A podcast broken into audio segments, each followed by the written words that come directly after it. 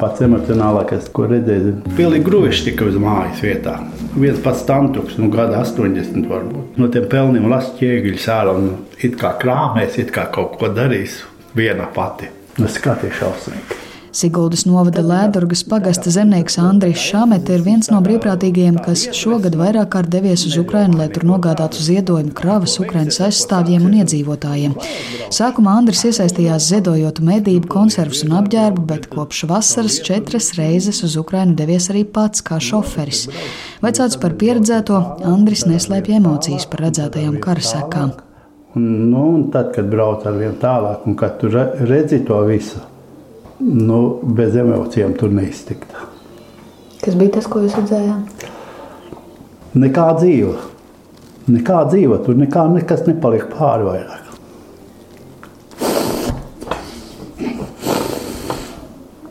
Kādas konkrētas vietas ir palikušas atmiņā? Tā, Izjums.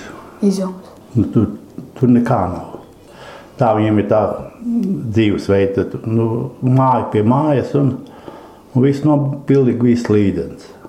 Skola kalna kalā viss nobumbardēta. Tā bija otrā reize, kad jūs braucāt. Jā? Trešā. Trešā. Tas ir. Ne, nu, tas nav karš. Tas nav, tas, tas nav karš. Tas vienkārši bija nācijas iznīcība vietā. Jā. Andris atzīst, ka ceļš ir nogurdinošs un garš, taču pēc šiem braucieniem Ukrāņu tautu vēl vairāk viņš izjūt kā ļoti tuvu un stipru. Tur satiktie karavīri ir ļoti patriotiski un bieži arī latviešu brīvprātīgajiem atzīst, ka īpaši priecājas sastapt arī cilvēkus no ārpasaules. Turklāt kaut pēc viena šāda brauciena stāvēt malā ir neiespējami, saka Ukraiņas atbalsta kravu brīvprātīgais šoferis. Mēs dzīvojam tā, ka ir, bet mums nekrīt bumbas uz galvas. Nu, nu nekrīt, mēs varam atrast ēdamu jebkurā laikā. Tad tur cilvēki plika, visi plika paliek. Viņiem nekā nav. Zem klājas debesis, ne uguns, ne ūdens, ne maizes. Un cilvēki dzīvo ar visiem bērniem. Tad beidzam reizē vispār ar, ar vienu trakāku. Kad jūs bijat pēdējais? Tagad tikko atbrauc mājās. Tad jūs arī redzējāt tos ziemas apstākļus. Redzēju, bija vietām, bija sniegs, vietām bija saules, vietām nebija. Nu, tur viņiem tā. Kas ar komunikācijām, apkure, elektrību? Nekas, tik ģeneratoru un nu, ar žagarim. Mēs jau arī tās pečkas vedam. Un es nezinu, nelaimē jāpalīdz jebkuram. Nu, tas ir cilvēkam jāpalīdz. Nu, nebūs miera, ja pasaulē jāsaprot, ka tā ir mūsu visu cīņa par mieru un par stabilitāti. Andris ir tieši kaimiņu novada zemnieku Normunda un Klaidas kalniņu izveidotās brīvprātīgo kustības dalībnieks. Šie cilvēki regulāri organizē mašīnu kolonnas un Ukrainā nogādā gan pārtiku, gan dažādu veidu aprīkojumu. Andris saka, ka abrīno arī brīvprātīgo kustības apmēru, cik daudz cilvēki neatlaidīgi ziedo Ukrāņu karavīriem nepieciešamo. Kraus savācās, ka nevar salikt, ko cilvēks sanes visu. Beidzamā bija svecis, nu, naptonu gandrīz. Tas ierakums. Ierakums vecis, jā. Tad pārtika sausā. Konzervi, zivs, lielākoties ģeneratori, cirvi zāģi, siltās zeķes, guļamaisi, palagi. Nu, viss apmēram to, ko cilvēks savāc, vai kādas firmas, kas ziedo, jo firmas ir baigi daudz ziedo. Visu. Un pašas mašīnas, es saprotu, arī daļu Jā. jūs atstājat tur. Praktiski, cik braucam, pagājušajā sešas liekas. Šitā braucienā viens, divi, trīs, pieci laikam paliek. Turpat Lēdurgas pagastā Andra kaimiņš lauksaimnieks Mārtiņš Gierkens arī iesaistās vietējo brīvprātīgo kustībā un atceras savas emocijas un pārdomas, sākoties karam Ukrainā. Tas li likās tik ļoti nu, neiespējami un neticami, un tam visam nu, negribējās noticēt sākumā.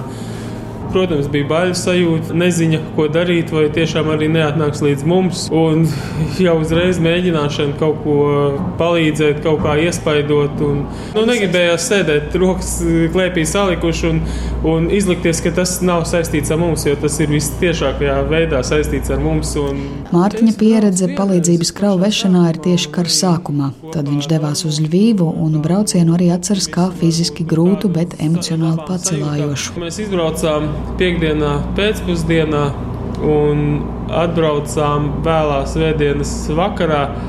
Un par to visu laiku bija gulētas divas stundas. Nu, principā tāds tas brauciens bija, bet tas, protams, ir to vērts un nenožēl nevienā brīdī to palīdzību. Dzīve tur nav apstājusies, un tur viss notiek, un cilvēki darbojas, bet eh, satiekot arī pašus eh, nu, cilvēkus, kas ir armijnieki. Nu, Viņi vienalga visi bija optimisti, un, nu, un viņi, protams, ļoti pateicīgi bija.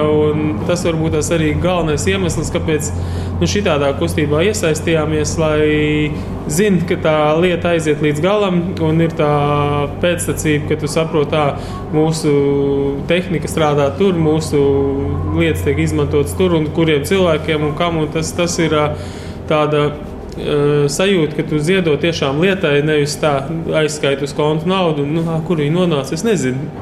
Jūs pārsteidz tas, kā šī gada laikā brīvprātīgo kustība, cik viņa ir jaudīga Latvijā? No vienas puses, jā, no otras nē. Būtu pārsteigums varbūt lielāks, ja tāda nebūtu. Es pat gribētu tā teikt. Nedrīkst būt savādāk. Sintīna Ambote, Latvijas radio.